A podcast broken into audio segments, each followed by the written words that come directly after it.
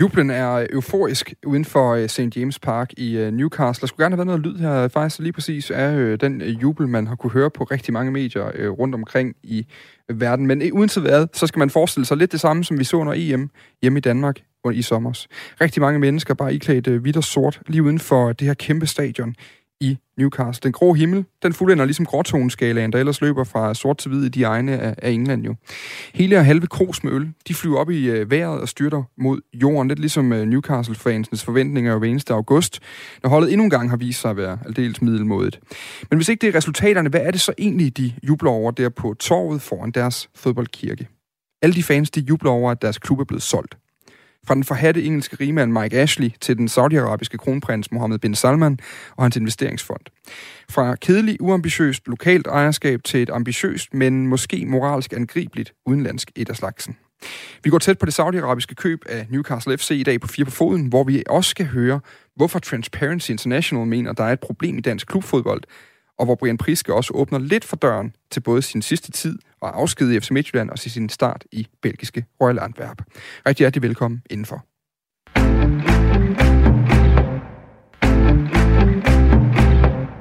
Der er lige lidt rod med min øh, lyde i dag øh, her på computeren, så hvis det lyder sådan lidt sjovt undervejs, så, øh, så har tålmodighed med mig. Jeg øh, kæmper alt, hvad jeg kan her, her alene i et, øh, i et studie. Men øh, nu skal vi kigge lidt på dansk klubfodbold, for hvem er det egentlig, der ejer din fodboldklub? Hvor kommer pengene fra, og bliver der betalt skat af dem? Før i tiden, der var det sådan relativt simpelt at svare på de her spørgsmål, når vi talte om dansk klubfodbold. Ejerne, de drev forretning i lokalområdet ofte. De stod gerne op bag glasset op i VIP-loungen hver søndag, når holdet spillede. Investeringen i den lokale klub, den var primært af lokalpatriotiske årsager, og CVR-registret fortalte stort set hele historien, hvis man gad slå op. I dag der kan det være noget andet. Udenlandske ejere rykker ind flere og flere steder. Ofte kan det være svært at se, hvor pengesporet egentlig ender henne. Og nu råber organisationen Transparency International altså vagt i gevær. De har forsøgt at finde ud af, for eksempel, hvor de investeringspenge, som er endt i Esbjerg, kommer fra men øh, de er strandet i virksomhedsregistret i øh, Hongkong. Formand for Transparency International, Jesper Olsen, velkommen i Fire på Foden. Tak skal du have. Lad os bare starte med det helt åbenlyse spørgsmål. Hvorfor er det et problem, at det ikke er offentligt tilgængeligt, hvem der ejer det, der hedder Esbjerg Investments Limited i Hongkong? Jamen, det er jo et problem, fordi de gode folk i Esbjerg, der står på stadion søndag efter søndag øh, og øh, hæber byens øh, drenge øh, frem, de skal jo sådan set vide, øh, hvem er det, hvis øh, penge øh, er det nu her, de står og hæpper på, skal blive mere værd. Øh, og, og det har jo simpelthen noget at gøre med, at der er kommet så meget øh, international øh, økonomi i fodbold, sådan som du også øh, fortæller det. Og der er også en rigtig stor interesse i at investere i, i fodbold. Problemet er jo bare, at nogle af investeringerne er jo sådan lidt tvivlsomme, øh, og så er der jo som regel altid noget risikovillig kapital. Og så er det faktisk meget rart lige at vide, hvem er det i virkeligheden, man står og hæpper på, øh, ud over de lokale helte. I har jo lavet et indlæg, du og din næstformand, på Altinget, hvor øh, i det her indlæg, der, øh, der, der efterspørger I nogle regler fra DBU's side, der vil tvinge klubejerne til at være helt gennemsigtige, altså ikke det offentligt tilgængeligt, hvor, øh, hvor pengene kommer fra i sidste ende. Hvor, hvorfor er det nødvendigt, altså at det skal være offentligt? Det skal være offentligt, fordi åbenhed er som regel altid det, som Muk har det allerdårligst med. Så det vil sige, når der er åbenhed og transparens om, hvem der ejer det, så er der jo også mulighed for, om jeg så må sige, at følge sporet. Og hvis der nu er tale om nogle dubiøse øh, investorer, ja, så er det rent faktisk også muligt for øh, for eksempel myndighederne at finde ud af, hvor er det, at pengesporet ender, og ikke sådan som, øh, hvad det hedder, pengesporet i Esbjerg, der ender blindt i, øh, i Hongkong. Og det er rigtig vigtigt, fordi vi bare kan se sådan globalt ud over verden, at professionel sport, det tiltrækker altså øh, bare penge, som er interesseret i al den goodwill, der er i sporten, men måske i virkeligheden også interesseret øh, lidt i al den lukkethed, der er i, kring, i sporten. Og der siger jeg bare, der synes vi, at DBU bør gå foran og værne om sportens integritet. Og lad os lige prøve at tage det her eksempel med Esbjerg, som vi selv bringer op. Altså, hvad, hvad, hvor meget ved vi? Hvor meget ved du? Hvor meget kan du finde ud af om det, der hedder Esbjerg Investments Limited, som er altså et selskab registreret i Hongkong? Jamen, jeg kan jo godt finde ud af, hvem øh, der ejer Esbjerg Investment, øh, fordi det står i det danske virksomhedsregister. Og Danmark er faktisk et af de lande, som har et, et relativt åbent virksomhedsregister. Der er faktisk rigtig mange lande, øh, der godt kunne tænke sig øh, noget åbenhed, som vi har i Danmark. Problemet er bare, at når jeg så skal finde ud af, hvem der så ejer dem, der ejer øh, Esbjerg, så ender jeg blindt allerede i første hug i, øh, i Hongkong. Og det er sådan set i virkeligheden det, der er problemet, nemlig at vi har ikke globalt set regler, der gør, at vi hele tiden kan følge sporet tilbage. Der har vi sådan øh, nationale regler. Og der siger vi så bare, at når vi kan se, at der kommer flere og flere udenlandske penge i dansk fodbold, så synes vi sådan set også, at dansk fodbold bør værne om sin egen integritet, sådan at vi ikke tiltrækker de forkerte penge, mm. men sådan at vi tiltrækker, med så må sige, de rigtige penge til den investering, som man gerne vil gøre i professionel sport i Danmark. I dag, øh, tidligere i dag, der talte jeg med øh, Claus Thomsen. Han er direktør i Divisionsforeningen, som jo er klubbernes øh, sammenslutning og dem, der sådan, administrerer ligaen.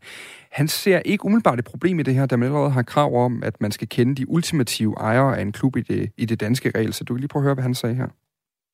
I så fald, så synes jeg, at det skal være en generel betingelse for, for dansk erhvervsliv og alle investorer og ejerskaber, der, der omgiver dansk erhvervsliv. Jeg kan ikke se, at der er en forskel på, på klubber og andre.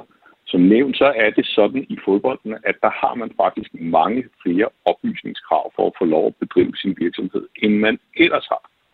Så vi har et system med en højere gennemsigtighed. Vi har et system med en højere kontrol.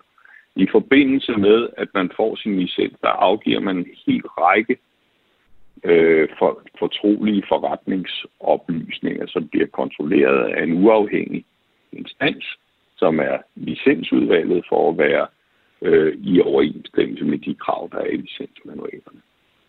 Så, så nej, jeg ser ikke noget, øh, med mindre at dansk lovgivning ændrer sig, ikke, ikke et behov for, at man skulle offentliggøre de ting.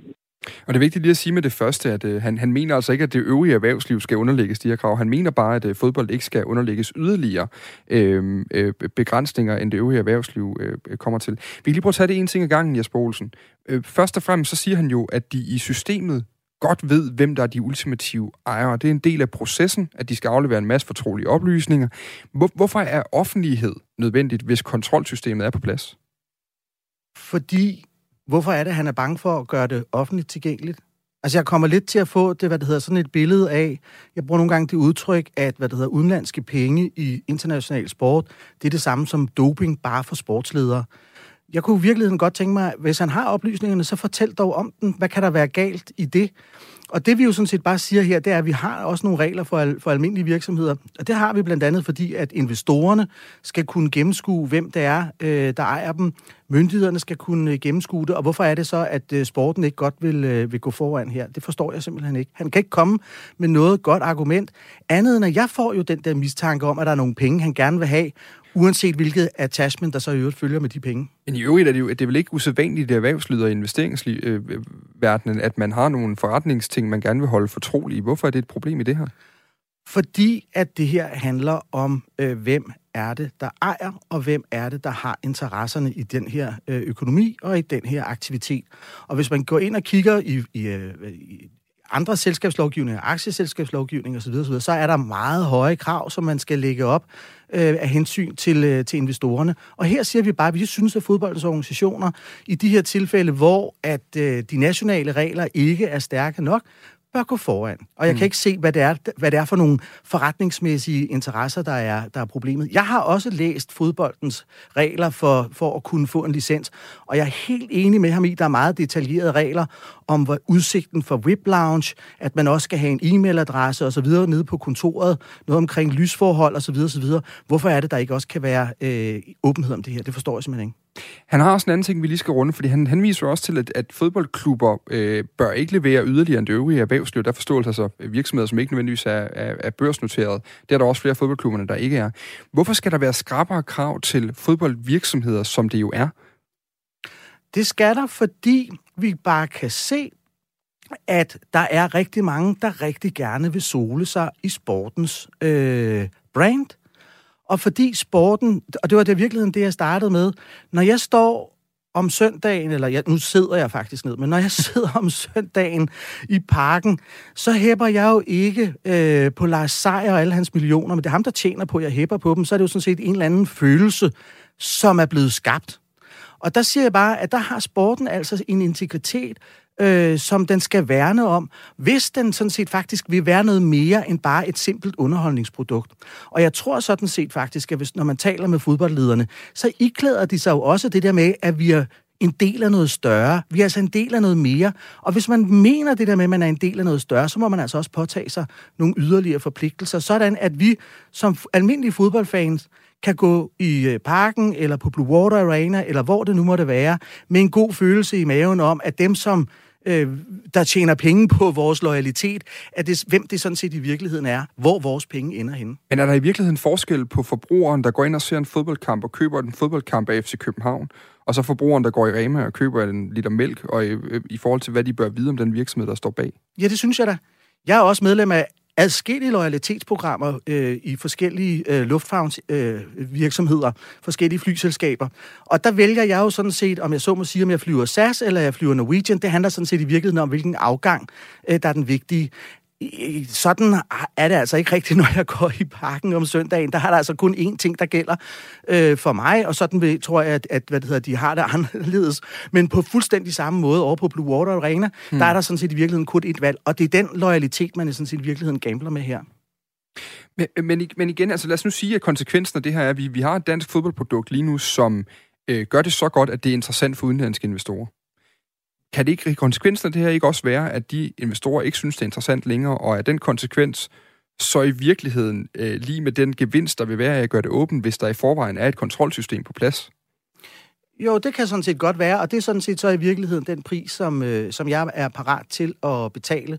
Jeg ved godt, der er nogen, der siger, at penge lugter ikke, men jeg siger bare, når vi i øvrigt går ud og ser på investeringer rigtig mange steder, og, og dine pensionsmidler for eksempel, så har din pensionskasse jo også sådan nogle regler om, at hvad der, man må ikke investere i børnearbejde, og man må ikke investere i våben, og der kommer lige om et øjeblik også, at det skal være klimaneutralt og alt muligt andet. I virkeligheden er det bare den samme transparens, som vi sådan set i virkeligheden gerne øh, vil, øh, vil have her og trække, og trække med herover. Men er transparens det vigtigste? Det vigtigste er vel, at de ikke har pengene stående i et eller andet juks, og det har de jo så et kontrolsystem, der sikrer et uafhængigt organ i form af, af, af DBU's øh, licensudvalg. Altså, er det ikke nok med intern øh, kontrol, så man sørger for, at det stadig er et interessant investeringsprodukt, i stedet for, at den her gennemsigtighed kan, kan skræmme nogen væk måske? Fodboldens verden er et af de mest lukkede miljøer. Og det er sådan set i virkeligheden derfor, at øh, jeg og den organisation, der hedder Transparency International her i Danmark, at vi er begyndt at få et, jeg vil skulle lige til at sige et godt øje til sporten, altså få øje på sporten, fordi sporten, vi vil alle sammen gerne øh, være en del af det, og øh, jeg kan jo bare konstatere, at alle vil jo godt være sammen med Kasper Julemand lige i øjeblikket, fordi at der er sådan en dejlig aura rundt om dig. Og, der, og, og hvis man kommer til at kritisere ham, jo så er, hov, hvad er det nu? Er det nu er loyalitet? Er du nu, øh, stiller du spørgsmålstegn ved Danmark osv.? Der er altså simpelthen en aura omkring sporten. Det er jo også det, som de gode folk i Katar har lært. Der, de kan simpelthen få nogle interesser igennem. Og så siger jeg bare, vi er nødt til at beskytte sportens integritet. Og der synes vi sådan set, at dansk fodbold bør gå foran. Jeg tror i virkeligheden ikke, at de gode folk over i divisionsforeningen sådan set har dårlige hensigter. Det har jeg på ingen måde. Jeg tror sådan set virkelig bare, at jeg skal give dem det der lille skub, sådan at de kommer, kommer skridtet videre. Vi kommer til at sætte debatten op igen øh, på det her øh, pære øh, udmyge øh, fodboldprogram. Tak fordi du kunne være med i dag, Jesper Olsen. Ja, velbekomme. Tak fordi jeg måtte. Formand for Transparency International, og i med i indslaget medvirker altså også Claus Thomsen, direktør for øh, Divisionsforeningen.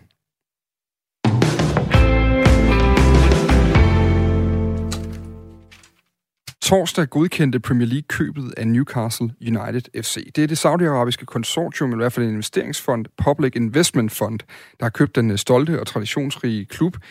Michael Svensson skal du lige starte med at møde her. Han har boet i Newcastle siden 2009, og vi følger ham, der er glæden ikke til at tage fejl af i den her nordengelske by, der langt om længe er sluppet ud af den tidligere ejer Mike Ashleys klør, efter mere end 14 år i middelmådighedens navn torsdag aften, der var der, der, var der meget, meget smæk på. Øhm, jeg så også nogle billeder inden for, ude, ude for stadion der fredag morgen, hvor det har været fuldstændig det gået fuldstændig amok. Øh, og, det, og det specielle ved Newcastle, det er jo også, at deres, det stadion, det er kæmpe stort stadion, der er 56.000 øh, kapacitet, og det ligger lige i centrum af byen.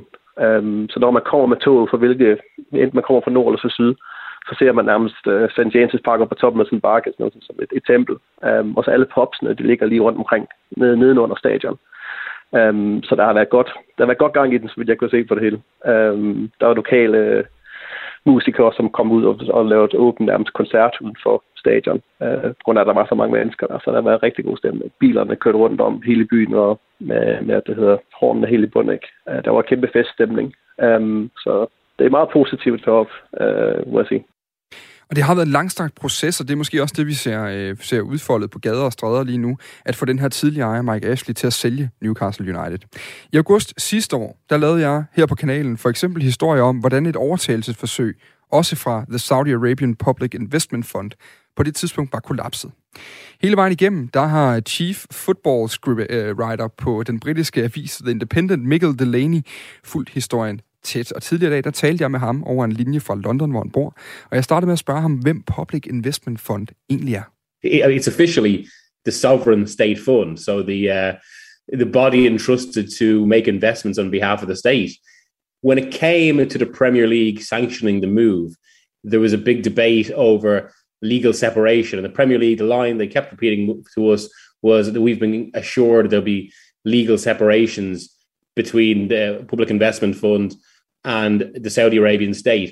But if you talk to absolutely any expert on the area, literally any, they will say there is no separation, that this is Saudi Arabia. It's uh, Mohammed bin Salman who is ultimately uh, the, the, the, chair of even the Public Investment Fund. So they'll talk about the, the, the Public Investment Fund, but really we're talking about the Kingdom of Saudi Arabia.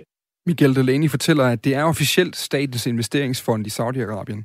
Der har været debat om adskillelsen mellem staten og fonden i Saudi-Arabien, og organisationen bag Premier League har fastholdt, at de er blevet forsikret at der var juridisk adskillelse mellem fonden og staten, men hvis du taler med bogstaveligt talt alle eksperter på området, siger han, så vil de sige, at der er ingen adskillelse. Det her er Saudi-Arabien. Det er endda den saudiarabiske kronprins Mohammed bin Salman, der er formand for investeringsfonden, så de snakker om uh, The Public Investment Fund, men i virkeligheden er det her kongedømmet i Saudi-Arabien.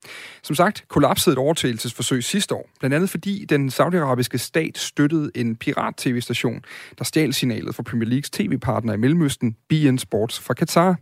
Så sendte de det uden tilladelse i landet, og baggrunden var, at Saudi-Arabien havde blokeret BN Sports fra landet af politiske årsager, og derfor havde de fundet en alternativ måde stadigvæk at vise Premier League til befolkningen. Det er så en blokade, der desuden tilfældigvis blev løftet dagen før overtagelsen af Newcastle United gik igennem i sidste uge. Jeg spurgte derfor øh, Miguel Delaney om, hvad er det egentlig, der er sket siden sidste år, eftersom det nu er gået igennem? Uh, this depends on who you talk to. The Premier League is saying that that is a consequence of longer term discussions, that the ultimate reason that the takeover didn't happen the first time was about control.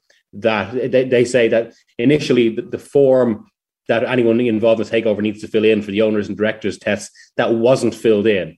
Now, what has changed, the Premier League say, is that was finally filled in and it was filled in by the Public Investment Fund. But what everyone outside the Premier League is saying is that this is basically about piracy. Um, and that once the issue of piracy was cleared up, there were no actual obstacles. Det afhænger af, hvem du snakker med, fortæller Miguel Delaney. Premier League insisterer på, at det intet havde at gøre med pirat-tv-problemet.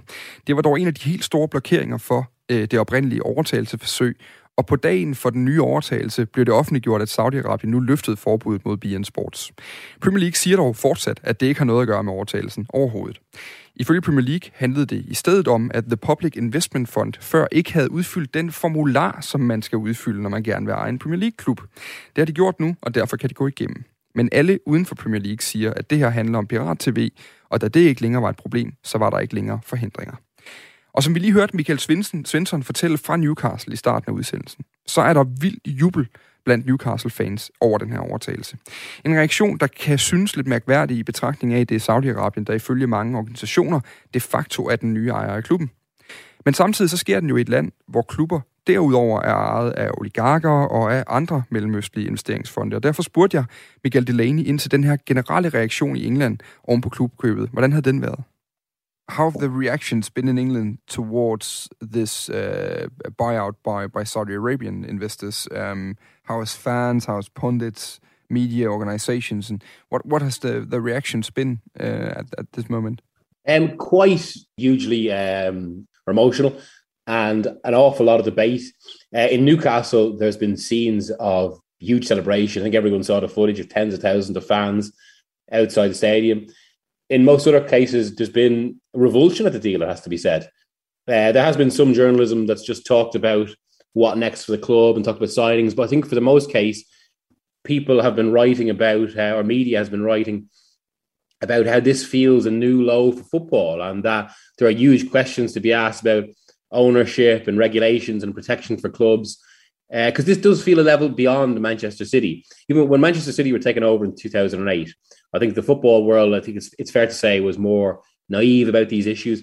Also, in legal, real terms, there was more of a separation between Abu Dhabi United Group, who brought Manchester City, and the state and Public Investment Fund and Saudi Arabian state. Now, in, in reality, my view would be Abu Dhabi own Manchester City, that it's not any sort of private investment the football world is so much more attuned to all these issues of sports washing and state ownership now that this does feel just an extra level beyond and protection should have been put in place. And that's why I think if you look across a lot of the newspapers, uh, the Guardian, the Observer, where I work for, the Independent, the the Daily Mail, there's just been widespread criticism for this deal.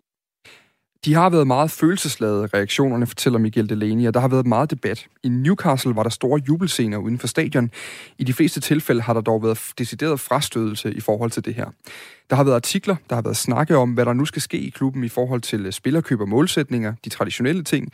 Men de fleste medier har skrevet om, hvordan det her føles som et nyt lavpunkt for fodbold, og de stiller spørgsmålstegn ved reglerne for ejerskaber og hvordan man beskytter klubberne. Fordi det her, det føles et niveau under Manchester City. I 2008, da Manchester City blev overtaget, var fodboldverdenen mere naiv i forhold til de her problemstillinger. Og så var der i reel juridisk forstand en større adskillelse mellem Abu Dhabis stat dengang og investeringsfonden, der så købte City, end der er i det her tilfælde med Saudi-Arabien. I virkeligheden er mit syn på det, at Abu Dhabi ejer Manchester City, og at det ikke er en privat investering. Men endnu vigtigere, siger Miguel Delaney, så er fodboldverdenen bare bedre bevidst om de her udfordringer med sportswashing og statsejerskaber i dag, og, øh, og derfor føles det her bare et niveau værre end tidligere. Og hvis du kigger bredt ud over aviserne, fortæller han The Guardian, The Observer, hans avis, The Independent og Daily Mail, så har der været udbredt kritik af den her aftale. En af dem, som har støttet Newcastle i medgang, og nok primært egentlig i modgang, siden uh, storhedstiden i 90'erne, det er dig, Michael Mose Bertelsen. Goddag. Goddag. Hvordan har de sidste, lad os egentlig starte med, øh, med at kigge lidt tilbage. Hvordan har de sidste 25 år været som Newcastle-fan? Ja, men det, øh, det har jo egentlig været lidt en speciel rejse, fordi øh, man kan godt føle, at man har været med til at forbande den her, den her klub, fordi jeg blev betaget af Newcastle, da de var entertainers og spillede sexy fodbold. Og øhm, det var næsten lige fra det øjeblik, at jeg blev fan af Newcastle, at det hele det vendte for dem. De førte jo med, de førte jo med 12 point mod Manchester United tilbage i 95, mener det var. Og det formår de jo at smide. Og så er det egentlig gået stødt ned ad bakke lige siden sådan groft skåret op. Ja. Med, med lidt højdepunkter undervejs, da Sir Bobby havde os, og vi, øh, vi var med i Champions League igen og spillede godt fodbold. Øh, så er det jo så bare gået ned ad bakke i mange år efterhånden. Og vi kan lige kort rise op, hvem øh, den her tidligere ejer er, fordi han har på en eller anden måde også øh, i hvert fald holdt ansvarlig for den nedtur, du jo har været ufrivilligt vidne til mm. øh, lige siden. Mike Ashley, han er en øh, britisk milliardær. Han har tjent sin formue på detailhandel, helt specifikt ved at sælge sportstøj. Han købte Newcastle egentlig af to omgange tilbage i 2007, hvor øh, den samlede investering løb op i 134 millioner pund. Og nu har han så solgt klubben til den saudiarabiske investeringsfond for 300 millioner pund. Alligevel en pæn fortjeneste, han har øh, hugget der. Michael Mose Bertelsen, prøv lige at forklare os, hvilken ejer var Mike Ashley? Jeg synes, det er et sindssygt godt spørgsmål, fordi det er faktisk vigtigt at forstå noget, som vi Newcastle-fans forstår. Det er jo, hvordan Mike Ashley har påvirket os. Jeg tror godt, at vi som fans, alle sammen, både Newcastle-fans og alle andre, kan acceptere nedture. Nedture er en naturlig del af fodbold, også selvom de var i lang tid. Men det man, som, det, man gerne vil have som fan, det er en, øh, en ejer og en ledelse i klubben, der i det mindste forsøger. Nogen, der vil noget. Nogen, der er ambitiøse på klubbens vegne. Og det er den oplevelse, der sidder i rigtig mange Newcastle-fans øh, gennem mange år. Der, altså, man har oplevet, at klubben ikke har forsøgt at blive bedre, og egentlig at, at stræbe efter hele tiden at blive bedre. Mm. Øh, man har blot vil overleve, og det er det, som man beskriver som den her enorme mangel på ambitioner, der gør, at øh, fra et fanperspektiv kan man komme til at føle, at klubben bliver ligegyldig for en. Ja. Og for mig er det noget af det, det værste, man kan gøre mod min klub, det er at gøre den ligegyldig for mig, når man mister håbet som fan. Men er det, er det så, altså vi taler jo i de her tider som ejere og succesfulde ejere, det er sådan nogen, der bruger mange penge og alt det her. Men er, han, er, er det bare det, der er galt med ham? At han ikke har investeret nok?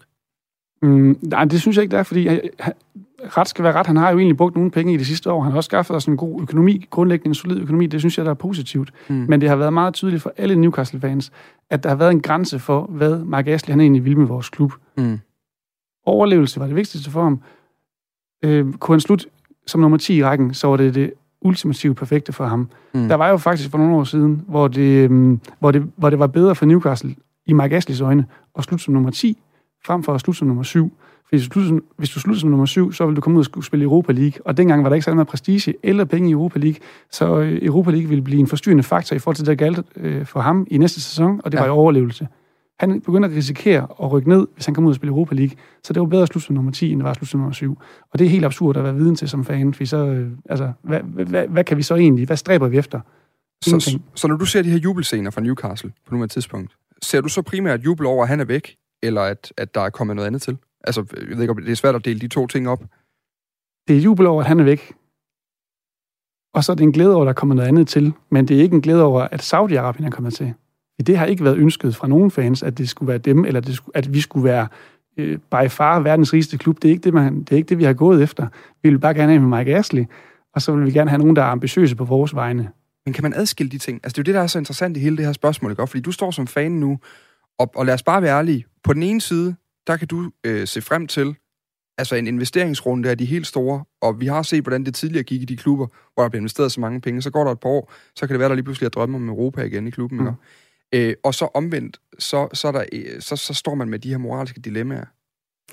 Jeg tror, vi skal tilbage til det, jeg forsøgte at beskrive før, at ens klub er gået hen og blevet næsten ligegyldig for en. Ja. I en eller anden grad er den blevet ligegyldig. Så fornemmer man, nu kommer der en overtagelse, man får et håb igen, man føler, man får sin klub tilbage. Ja. Det er i hvert fald den umiddelbare glæde, man finder i sig. Jeg skal ikke kunne sige, hvordan verden ser ud om en måned, eller om tre måneder, eller om en halvt år, eller når, ligesom når festen har lagt sig, når tømmermændene melder sig, så skal jeg ikke kunne sige, hvordan det er. Men jeg tror, det er derfor, at det sker. Det, der gør i Newcastle, der er en enorm glæde, og det kan virke absurd for andre at opleve, men, øh, men, men det er nogle gange de følelser, der er i rigtig mange Newcastle-fans, det er, at vi har, været, vi har været, med, været ved at miste vores klub, mm. og nu kommer der et håb igen.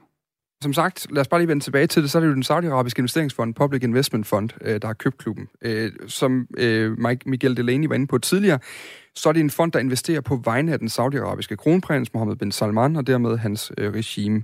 Og det er jo så et regime, der, jamen, vi må sige, de gør nærmest en vane ud af jævnligt at få kritik for internationale organisationer, og det er for deres syn på menneskerettigheder oftest. De har først givet kvinder lov til at køre bil for ganske nylig. Øh, ifølge FN står de bag det koldblodige mor på journalisten og Saudi-Arabien-kritikeren Jamal Khashoggi øh, på, på deres ambassade i Tyrkiet for et par år tilbage. Har du taget dig selv i at sidde og google efter nogle positive ting om Saudi-Arabien i forbindelse med det her? Øhm, for et års tid siden, da der var snak om hele den her overtagelse, der forsøgte jeg at sætte mig ind i, hvad, hvad er det egentlig, der foregår i Saudi-Arabien. Fordi jeg må, to be honest, jeg vidste ikke, altså man, man hører selvfølgelig nogle af de gamle ting, ja. der er sket, og Khashoggi kender alle, alt det, der er sket der. Men, men egentlig at prøve at forstå, hvad, hvad, hvad der foregår i Saudi-Arabien, det blev jeg interesseret i. Ja. Og det tolker jeg jo egentlig som positivt. Men jeg, jeg siger ikke, at det, det er jo ikke noget, jeg forsøger at finde ud af, fordi jeg gerne vil forsvare Saudi-Arabien, for det har jeg ikke nogen interesse i.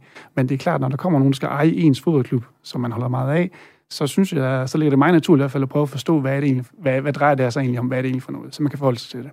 Og det er jo også noget, man kan se mange andre fans gjorde på det tidspunkt af Newcastle-fans. Men så jo decideret lige pludselig Newcastle-fans, der argumenterede for forskellige ting, hvor man forestiller sig, at ville en nordenglænder normalt øh, støtte på en eller anden måde, eller i hvert fald lede efter gode grunde. Altså det her med, hvor meget ens fodboldforhold kan påvirke, hvad man, hvad man ligesom prøver at, at, og gerne vil have til at passe i verden på en eller anden måde. Kan du prøve at sætte nogle ord på det? Altså, er, er, du, blevet, er du blevet mere eller mindre kritisk over for de ting, du hører, når du, når du tænker Saudi-Arabien? Er det sådan noget som det her? Jeg vil sige, jeg har til gode at se nogen, der har gået ind og begyndt at forsvare noget af det, der sker i Saudi-Arabien. Mm. Det, det, det, det har jeg faktisk overhovedet ikke oplevet. Øhm, det jeg til gengæld synes, at jeg ser, det er, at der er en, øhm, en i en eller anden grad en ligegyldighed i forhold til sådan de moralske ja. ting, der foregår. Ja. Men om det egentlig er unikt for Newcastle-fans, eller City-fans, eller Chelsea-fans, eller Arsenal-fans, der spiller på Emirates, og er det sportswashing, og hvad foregår der der? Jeg synes måske, det er en ligegyldighed, jeg ser rigtig mange steder i vores samfund sådan helt generelt, og derfor synes jeg egentlig ikke, at jeg kan gå ind og forlange af en Newcastle-fan, der kommer for at drikke nogle øl, kløse lidt forskellige steder og se noget fodbold, at han skal... Altså, han skal selvfølgelig forholde sig til, at der er et ejerskab, der er der nu, men han er der for sin fodboldklub. Det er egentlig det, der drejer sig om for ham. At han skal til at forstå geopolitik og hvad der ellers er, det ved jeg ikke, om jeg kan, om jeg kan forlange. Jeg kan ikke forlange, at han er mere moralsk, end alle mulige andre er. Havde du en anden holdning til det før, at det blev din klub? Fordi jeg har fornemmelse af, at klubkærlighed også betyder rigtig meget af de her ting. Jeg er selv Arsenal-fan, og skal kigge på det ene ærme, hvor der står Visit Wanda, og skal kigge på et stadion, hvor der står Emirates på, og gøre mig nogle tanker om det. Men, men rykker det ved en, når det lige pludselig går ind og rører ved noget. Så, øh, og lad os bare være ærlige i dette, i dette forum, der kan vi godt tillade os at sige noget så dybt som et klubforhold. Altså, rykker det så ved nogle andre ting? Nej, altså, det kommer trist, at de bliver forbundet med, vores, med min fodboldklub. Det, det, det gør det. Øh, det kommer ikke til at ændre på, hvordan jeg forholder mig til Saudi-Arabien, eller til nogle af de, alle de andre styre, der er ganske forfærdelige derude. Mm. Det, det gør det ikke. Det har jeg en klar holdning om. Udmærket. Til sidst, altså der er en anslået formue på næsten 3.000 milliarder. Og med den type penge kan man vist roligt sige... Altså lige med, der skal jeg tale med Brian Priske om uh, hans uh, eventyr i Royal Antwerp lige nu. Og, og er der noget fodboldtræner i øjeblikket også godt... Altså sådan nogle beløber, det må også gøre noget. Altså det kan et eller andet. Uh, der, der kan vi jo ofte kigge på den hammerreglen og sige, penge er lige med succes over tid, uh, flest mulige mesterskaber osv. Hvordan håber du, at den nærmeste fremtid kommer til at se ud for Newcastle? Jeg tror, jeg taler, på vegne af langt de fleste Newcastle-fans, når vi siger, at vi gerne ville have haft en anden ejer. Ja. En, en ejer, som måske nærmere vil bygge en Leicester. Øh, lidt mere stille og roligt op, fordi jeg tror ikke egentlig, der er nogen, der ønsker at have den position, som vi har fået, eller som City har haft i nogle år, hvor det har været dem, der bare har været øh, de allerrigeste, og dem, der har købt sig til succes. Det har ikke været noget ønske fra min side, øh, eller fra Newcastle-fansens side. Vi vil bare gerne have en klub, der bevæger sig i en positiv retning. Men Øhm, jamen, jeg ved faktisk ikke, jeg, jeg, jeg, jeg står ikke og, sådan og tænker på, at det bliver helt fantastisk, når Nej. vi får alle de her, øh, hvis vi får alle de her øh, enormt store stjerner til Newcastle. Det er ikke, øh, det, er ikke det, der fylder mest i mig på nogen måde. Øh, Uanset hvad, så kan man i øjeblikket en uh, relativt uh, underholdende ting, det er at gå ind og prøve at finde uh, interviews med Steve Bruce lige nu. Uh, der står en, uh, han er træner i Newcastle på nuværende tidspunkt, og en mand, der nok godt ved, at den, uh, det skal han huske at nyde, mens han får lov til det uh, lige nu. Han blev spurgt ind til det her opkøb i sidste uge, uh, hvor han uh, meget uh, tørt fik sagt, at uh, jamen, nu må vi se, hvor længe jeg får lov til at være på gangen her. Michael Mose Bertelsen, held og lykke med Newcastle. Tak for det. Det bliver i hvert fald spændende at følge med i. Det kan være, at vi kommer til at snakke sammen igen. Ja, hvem ved? Ja, hvem ved. Det er altså, det købet er nu endelig gået igennem, og, øh, og øh, nu venter man lige på de sidste godkendelser, inden de nye ejere kan træde ind. Der er også et navn, du kommer til at støde på, når du kigger på det, det er Amanda Stavely, og øh, hvis du er interesseret i den her type sager, så kan du godt øh, betale sig at google en smule på det, og lige læse lidt om, hvem hun er.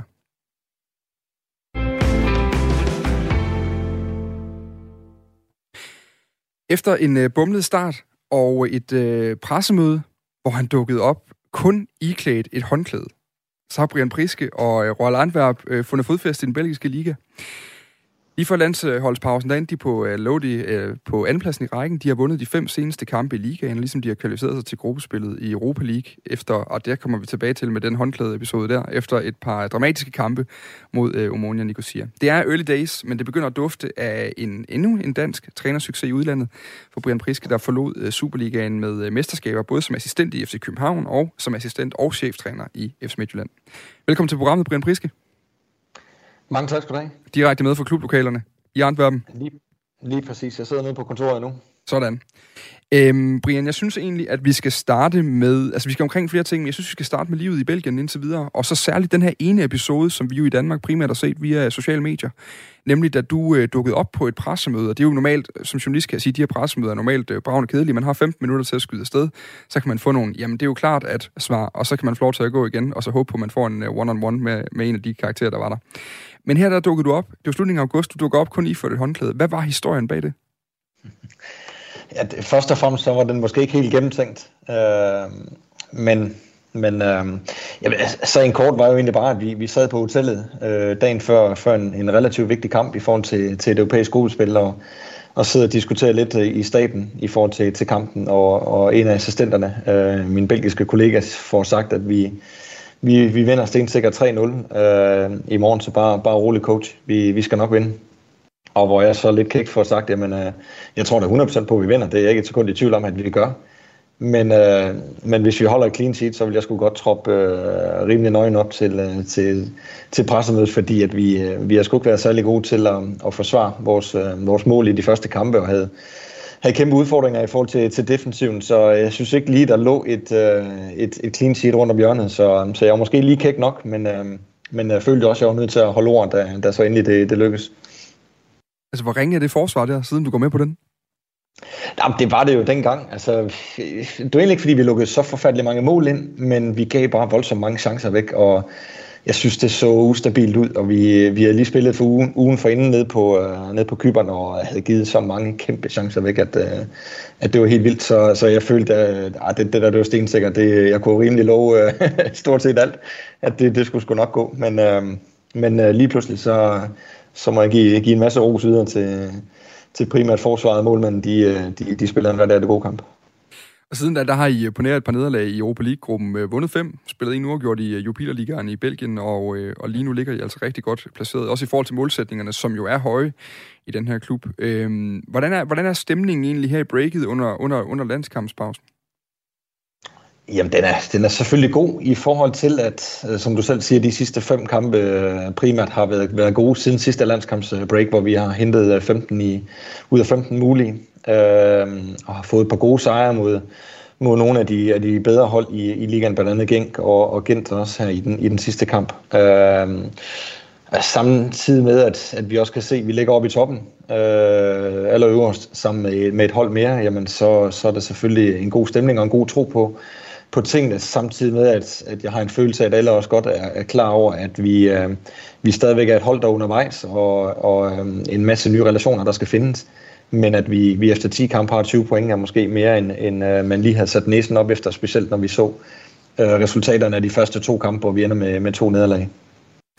Og, og, og man kan sige, nu, nu skal vi lige herinde på noget sammenligning mellem, mellem at være træner i Belgien og være træner i Danmark, men hvordan, øh, herunder her under sådan en landskampspause, sidder du alene på kontoret i, i dagligdagen, eller hvordan, hvordan er det håndteret med spillerne? Har de fået fri, eller hvad, hvad gør man egentlig? Øh, jamen, altså, jeg har jo har prøvet at, at tage lidt min, mine egne tanker med og, og, og mine egne erfaringer med fra, fra, fra Midtjylland også, og fra, fra, fra København osv., og, og, og valgte egentlig i sidste uge øh, at give spillerne en del mere fri, end, øh, end hvad kulturen måske indebærer hernede. Der de, nogle af dem holdt øh, fire dage fri, og nogle af dem holdt tre dage fri øh, op til weekenden. Øh, og egentlig på baggrund af, at vi Øh, havde spillet mange kampe, havde spillet syv kampe på, på 23 dage, øh, så følte at der var nogle af spillerne, som også havde brug for at, at tænke på, på nogle andre ting, og nogle gange føler jeg ikke altid, at, at øh, en fri weekend er nok til at få restitueret fuldstændig og få, få lavet batterierne øh, helt op, så, så nogle af dem fik tre dage fri, fredag, lørdag, søndag, og nogle af dem fik, øh, fik torsdag, fredag, lørdag, søndag fri også, og, og så selvfølgelig skulle de holde sig i gang derhjemme og, og tage en løbetur eller to, øh, således at man ikke kom helt ind fra, fra bare bund her, i, her til i, i dag. Men min følelse var, at vi havde brug for at lige at trække stikket og få lavet noget ny energi op, og, øh, og, og lige på baggrund af, af i dag, jamen så, så tror jeg også, at det var den rigtige beslutning. Folk var i hvert fald øh, meget klar og meget motiveret og, og ny energi i forhold til, øh, til den nye øh, periode, der, periode, der kommer her.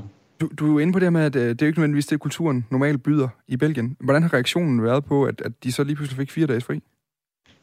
Ja, der er i hvert fald nogle af dem, der har været lidt ud af deres, øh, af deres comfort zone. Øh, spillerne ikke så meget, men, men alligevel er det også nyt for nogle af dem øh, at få, hvad skal man sige, relativt meget frihed på øh, inden, midt i, inden midt i sæsonen. Øh, Øhm, så så det, det er der ingen tvivl om, det, det har de da lige skulle, skulle vente sig til. Øh, men når du så snakker med dem i dag, jamen, så har de godt kunne mærke en forskel fra, om du har to dage fri, eller du har tre dage fri, øh, eller sågar fire dage, at, at du, du slapper lidt af på en, en helt anden måde, end, end når du øh, kun lige har to dage, hvor du ved, at du inden du næsten når at komme hjem, jamen, så skal du faktisk afsted igen.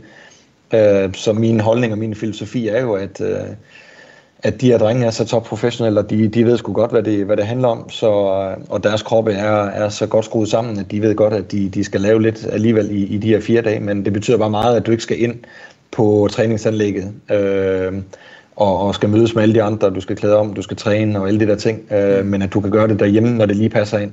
Det, det, det, det betyder helt sikkert meget, men, øh, men det er klart, spørger du fysisk træner osv., så, så, så føler de jo lidt, at de kan slippe på den kontrol, som de også godt kan lide. Så, så der var simpelthen der var en, en eller anden form for reaktion fra, fra trænerstaben, da du, øh, da du siger, at drengene, de, de skulle væk i fire dage nu? Nå, men jeg tror ligesom som mange andre steder, så, så diskuterer vi altid, øh, hvad skal man sige, dagligdagen og hverdagen, hvordan den lige skal fungere, og, og hvad mine tanker er. Og, og, og i sidste ende, så øh, er det jo det gode, om det er i Midtjylland eller, eller det er i, i Antwerpen, jeg sidder, så er der kun én mand, der bestemmer, og det, det er jo heldigvis mig. Så, så, så på den måde kan jeg jo gøre det, som jeg gerne vil, og som jeg tror på, og, og i sidste ende, så, så handler det om, at folk de forstår, hvad det er, jeg gerne vil, og, og hvilken retning det er, jeg gerne vil. En, en ting, vi lige skal omkring hurtigt, det er jo, det er jo Victor Fischer. Du har fået i truppen i Rolle Antwerp, som ser ud til at være kommet godt i gang efter en, øh, en svær periode i FCK. Hvad, hvad er det, du har fået forløst i, i ham, eller hvad er det, han har fået forløst i, øh, i Rolle Antwerp? Ja, jeg tror egentlig mere, at, at kreditten skal ligge hos, hos Victor. Øh, for mig er han bare en, en, en fremragende fodboldspiller, en fantastisk fodboldspiller. Det synes jeg, han har været i alle sine år i SK. Øh, han var selvfølgelig ramt i forhold til nogle skader osv., men, men når jeg kiggede på hans output, øh, også i den seneste tid, jamen, så var den faktisk rigtig god, og han havde et output i, i hver anden kamp, han spillede for, for FC København, så jeg var ikke i tvivl om, at, at han ville være en fantastisk spiller for os at få herned. Øh, først og fremmest i forhold til de kvaliteter på, på banen, som, som jeg føler, Victor har i forhold til hans offensive spil, øh, i forhold til hans, øh, hans normale output, i forhold til mål og assist, jamen det, det vidste han ville kunne bidrage med. Men så har han også en, en, øh, øh, en personlig kvalitet i forhold til den personlighed, han nu engang har. Øh, han er en vinder. Øh, han, øh, han er meget udadvendt. Øh, stiller krav både til sig selv, men også til sine holdkammerater. Øh, vil rigtig gerne give noget af, af sig selv til, til gruppen også, og det, det følte jeg også var vigtigt. Øh, og så kommer han med, med noget kultur i, i forhold til, til Ajax og i forhold til FC København, som handler om at vinde og handler om at præstere. Og, og det passer meget godt i forhold til noget af det, som, som vi har brug for hernede i en klub, som, som lige pludselig nu skal, skal kæmpe med mesterskaber. Der er der brug for nogle spillere, som har prøvet øh, at vinde mesterskaber og titler før, hvad det er, der skal til, og hvad det kræves af den enkelte, og som holder os.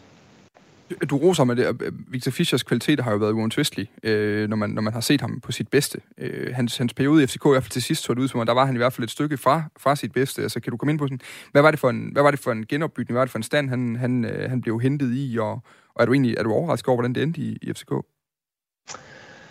Øhm, nej, jeg, ved ikke, altså, jeg skal ikke forholde mig så, så meget til FCK og så videre, men, men jeg var måske mere overrasket over, øh, hvad skal man sige, mediernes og, og nogle fans øh, hvad skal man sige, holdning til, til Victor og den periode, han var igennem, for jeg synes jo, at, at øh, han leverede øh, mm. til, til en vis grad, men det er klart, når forventningerne var, at han skulle levere, som han gjorde det første halve år eller hele år, jamen så var det måske også svært at leve op til de forventninger på baggrund af, af en længerevarende skade, hvor han vel næsten var, var hvad skal man sige, øh, øh, ja, ukampdygtig i, i, i længere tid af gangen, og det gør at du mangler noget kontinuitet, når du skal ind og præstere. Men, men outputtet var jo bare, facit var, at, at han leverede faktisk hver anden kamp. Der var der ja. en assist, der var et mål, øh, og der var måske også nogle straffespark indimellem, så jeg synes jo egentlig, at han blev vurderet markant hårdere, end, end hvad man egentlig burde, men, men det var sådan, at det var. Ja. Og i forhold til os, jamen, der, der passede han ind med det samme, leveret fra dag i dag og var i, i god fysisk form selvfølgelig skulle han bygges op til at kunne holde øh,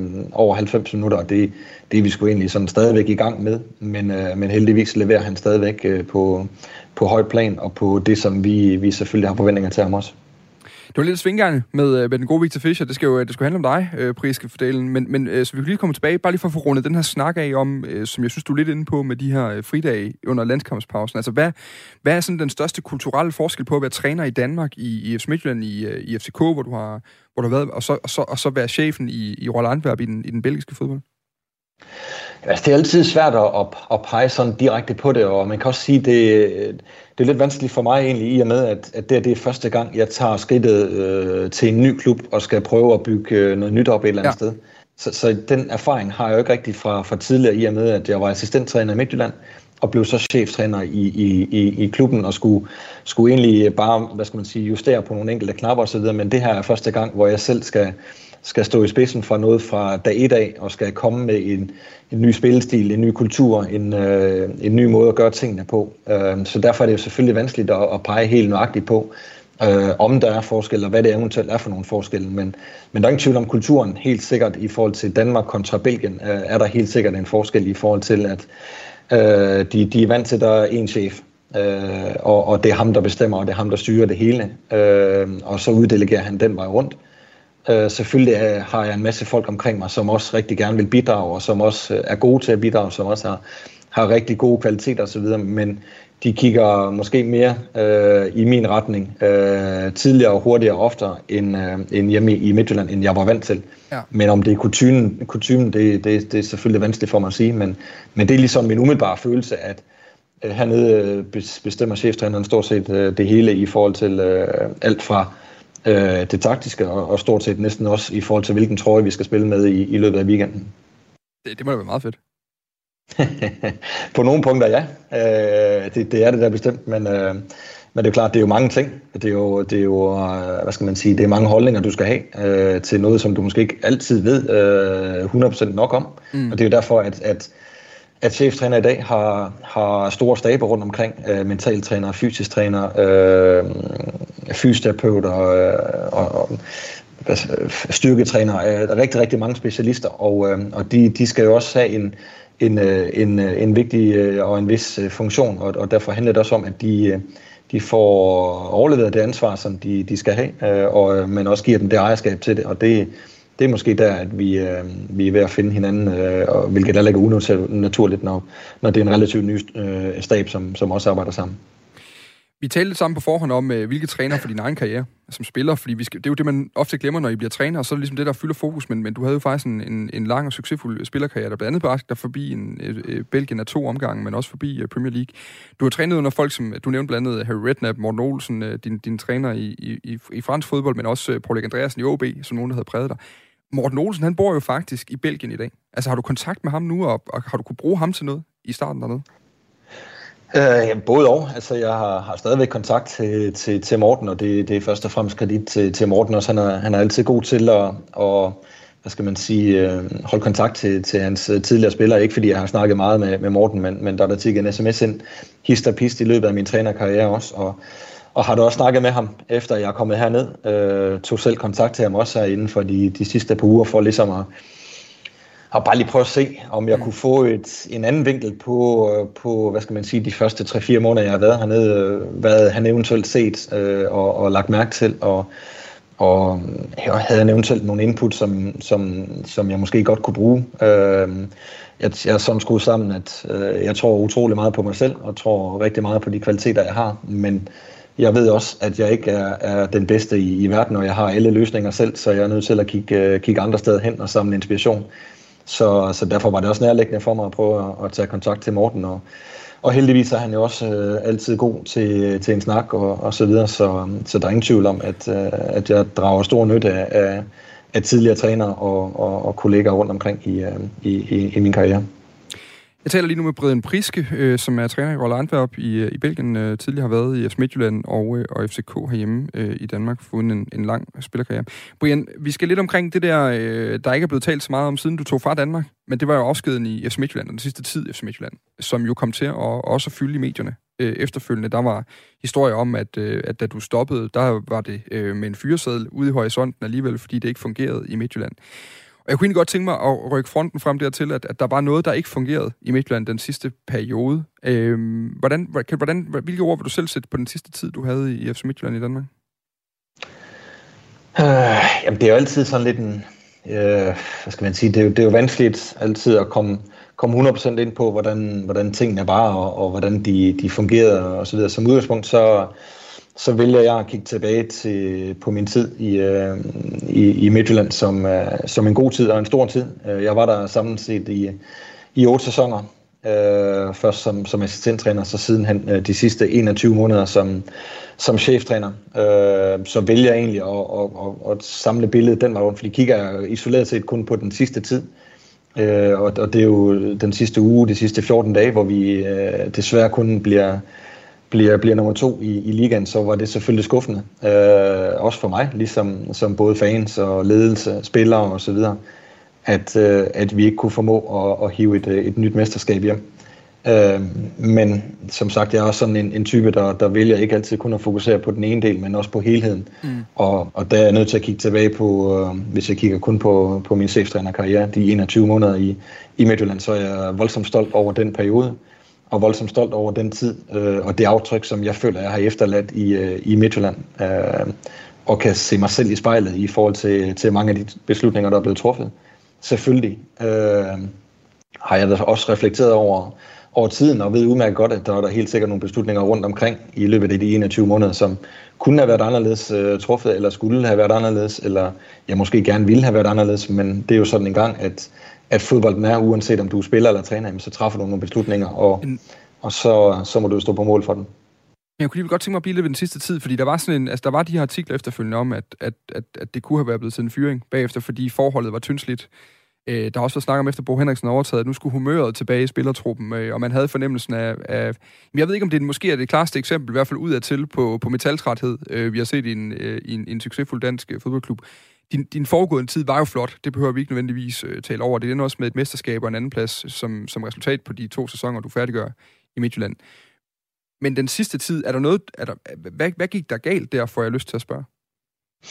Nej, men igen, fordi jeg ved ikke, om der gik noget galt. Øh, fordi det eneste, som du, du refererer til, øh, det er jo en, en anonym kilde, der, der vælger at, at, at give et eller andet til, jeg tror det er BT, til at starte på. Og, og det, det, det komplicerer jo hele situationen, hele den, det eftermæle i og med, at, at jeg kan jo ikke forholde mig til øh, en, en anonym kilde, som, øh, som bare siger, at, at øh, hvis ikke jeg var blevet solgt, jamen, mm. så, så havde jeg måske fået en fyrsæd. Det gør det vanskeligt for mig at, at forholde mig til det 100%. Men er du træt af det eftermæle, jeg, jeg det efterlader? Hvis jeg skal spørge på den måde. Og det er klart, ja, ja det er klart, det, det gør jo ondt på mig efterfølgende i forhold til, at, at, at øh, en anonym kilde lige pludselig skal overskygge øh, som jeg siger, 21 måneder med et, et mesterskab, Champions League gruppespil, mm. en anden plads. Øh, de sælger, FC Midtjylland sælger mig for, for anden gang i, i min karriere. Først sælger de mig til, til FCK, og så sælger de mig for lige knap en million euro til, til belgisk fodbold. Øh, så gør det selvfølgelig ondt efterfølgende, og fra via en, en eller anden anonym kilde, som, som jeg af gode grunde ikke kan, kan forholde mig til, jamen, øh, så skulle jeg måske have været ud på, på røv og elbo. Ja det, det, det, det gør selvfølgelig ondt at høre, uh, specielt. Jeg kan jo kun forholde mig til, når, når jeg konfronterer uh, ledelsen i, i Midtjylland efterfølgende, uh, hvad det lige havde på sig, og kan jo kun stole på, når de siger til mig, at uh, det har intet på sig, og der er ikke noget, der kommer fra, fra Midtjylland regi, og mm. at de har, har været glade for samarbejdet, de har været uh, sætter pris på det stykke arbejde, som, som jeg har leveret så kan jeg kun stå tilbage med at kigge på, jamen okay, men uh, enten så er det jo en journalist, som, uh, som jeg ikke synes har været aller, allerbedst eller allerdygtigst, eller så er det en anonym kilde, som jeg ikke føler uh, har den respekt og det format, som man bør have i mm. forhold til, til den fodboldverden. Men den sidste tid, der, der, der sker jo nogle, faktisk nogle, der, I spiller jo en Champions League kampagne i efteråret, øh, hvor, hvor jeg blandt andet var på, øh, på, på, på MCH Arena flere gange, og, og, og lige pludselig se det med det store, jeg vil sige, de store reklametavler bagved. Øh, men men der er også nogle episoder, jo. der er den her episode i Brøndby med, med Evander og Karber, der bliver, der bliver snakket om. Øh, der, der er en situation omkring Jonas Løssel, der bliver hentet ind og sådan ting. Altså, var der, var der uenighed om, hvordan tingene skulle gøres sådan de, sidste, de sidste måneder i klubben mellem dig og, dig og ledelsen? Jamen, jeg tror, som, som, som sådan, så tror jeg ofte i, i alle fodboldklubber, også i Midtjylland, jamen, så, så er man der uenig om... Øh, om nogle, øh, hvad skal man sige, nogle situationer eller nogle, nogle vilkår undervejs i, øh, i løbet af, af, af sådan en, en, en, en tid her. Det, det tror jeg er ganske naturligt. Øh, jeg synes altid, vi, vi har formået at løse det, øh, også i Midtjylland. Øh, og at i sidste ende, jamen, så accepterer man jo de beslutninger, som der nu engang bliver truffet, og så, så arbejder man ud for det. Uanset om det er en cheftræner, der har truffet en beslutning, eller det har været en ledelse, som har, har truffet en beslutning, øh, så, så handler det jo i sidste ende om at og, og parere ordre, og så egentlig, øh, øh, hvad skal man sige, fortsætte af, af rette spor. Og mm. ligesom der er en cheftræner, der skal stå på mål for, for nogle resultater og alt muligt andet, jamen, så, så er der også en ledelse, som altid skal stå på mål for, for de indkøb, for den spiller, øh, ved, den trup sammensætning, som der også øh, altid er. Og det, det er jo sådan, at, at øh, fodboldverdenen også fungerer. Det er jo sådan, at øh, et samarbejde også øh, fungerer. Men selvfølgelig vil der altid være være situationer, hvor, hvor man måske ikke er 100% enig omkring tingene, men, øh, men øh, ja, længere er den heller ikke end, øh, end det. Så de to episoder, der er der ikke øh, flere kommentarer til, hvad jeg vil sige? Nej, fordi det, det er jo ikke noget, der... Øh, altså, jeg, jeg tror, jeg fra, fra dag et, da jeg også sagde det første gang, vi havde nogle situationer i, i Midtjylland, som godt kunne være drøftet i, i pressen og så videre. Jamen, øh, jeg er sådan en type, det, jeg holder det internt, og jeg holder det face to face. Mm.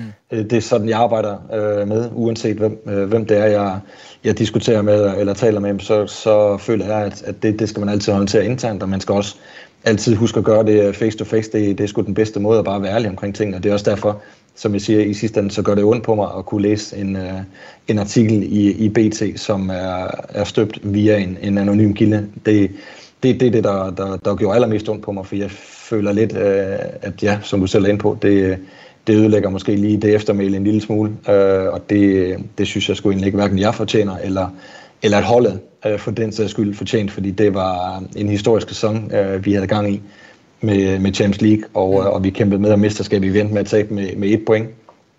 Uh, derudover var vi, var vi det bedste hold igen.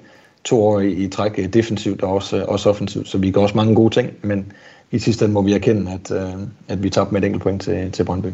Det er uh, fodboldens øjebliksbillede, når det er aller værste, ikke? kan man godt sige. Brian Priske, lige til allersidst nu, fordi vi har kun 30 sekunder tilbage. Øh, et ord, og det er virkelig ikke bedste Clem Kjærsgaard-stil, for også så bliver jeg nødt til at simpelthen korte dig af, fordi der skal være nyheder på. Men øh, i næste time, der skal vi snakke om FCK-DNA. Hvis du skal sætte et ord på FCK-DNA'et fra den tid, du var der, hvad er det så for et ord? Og det er, øh, virkelig et ord, fordi der er 15 sekunder tilbage nu. Jamen, det, det er uh, et ord for satan. Men. Jamen, det er jo uh, at vinde mesterskab. vi tager de to. De er gode. Tak fordi du kunne være med i dag, Brian Priske. Det er jo Velkommen. Jeg er tilbage lige om efter nogle gange nyheder.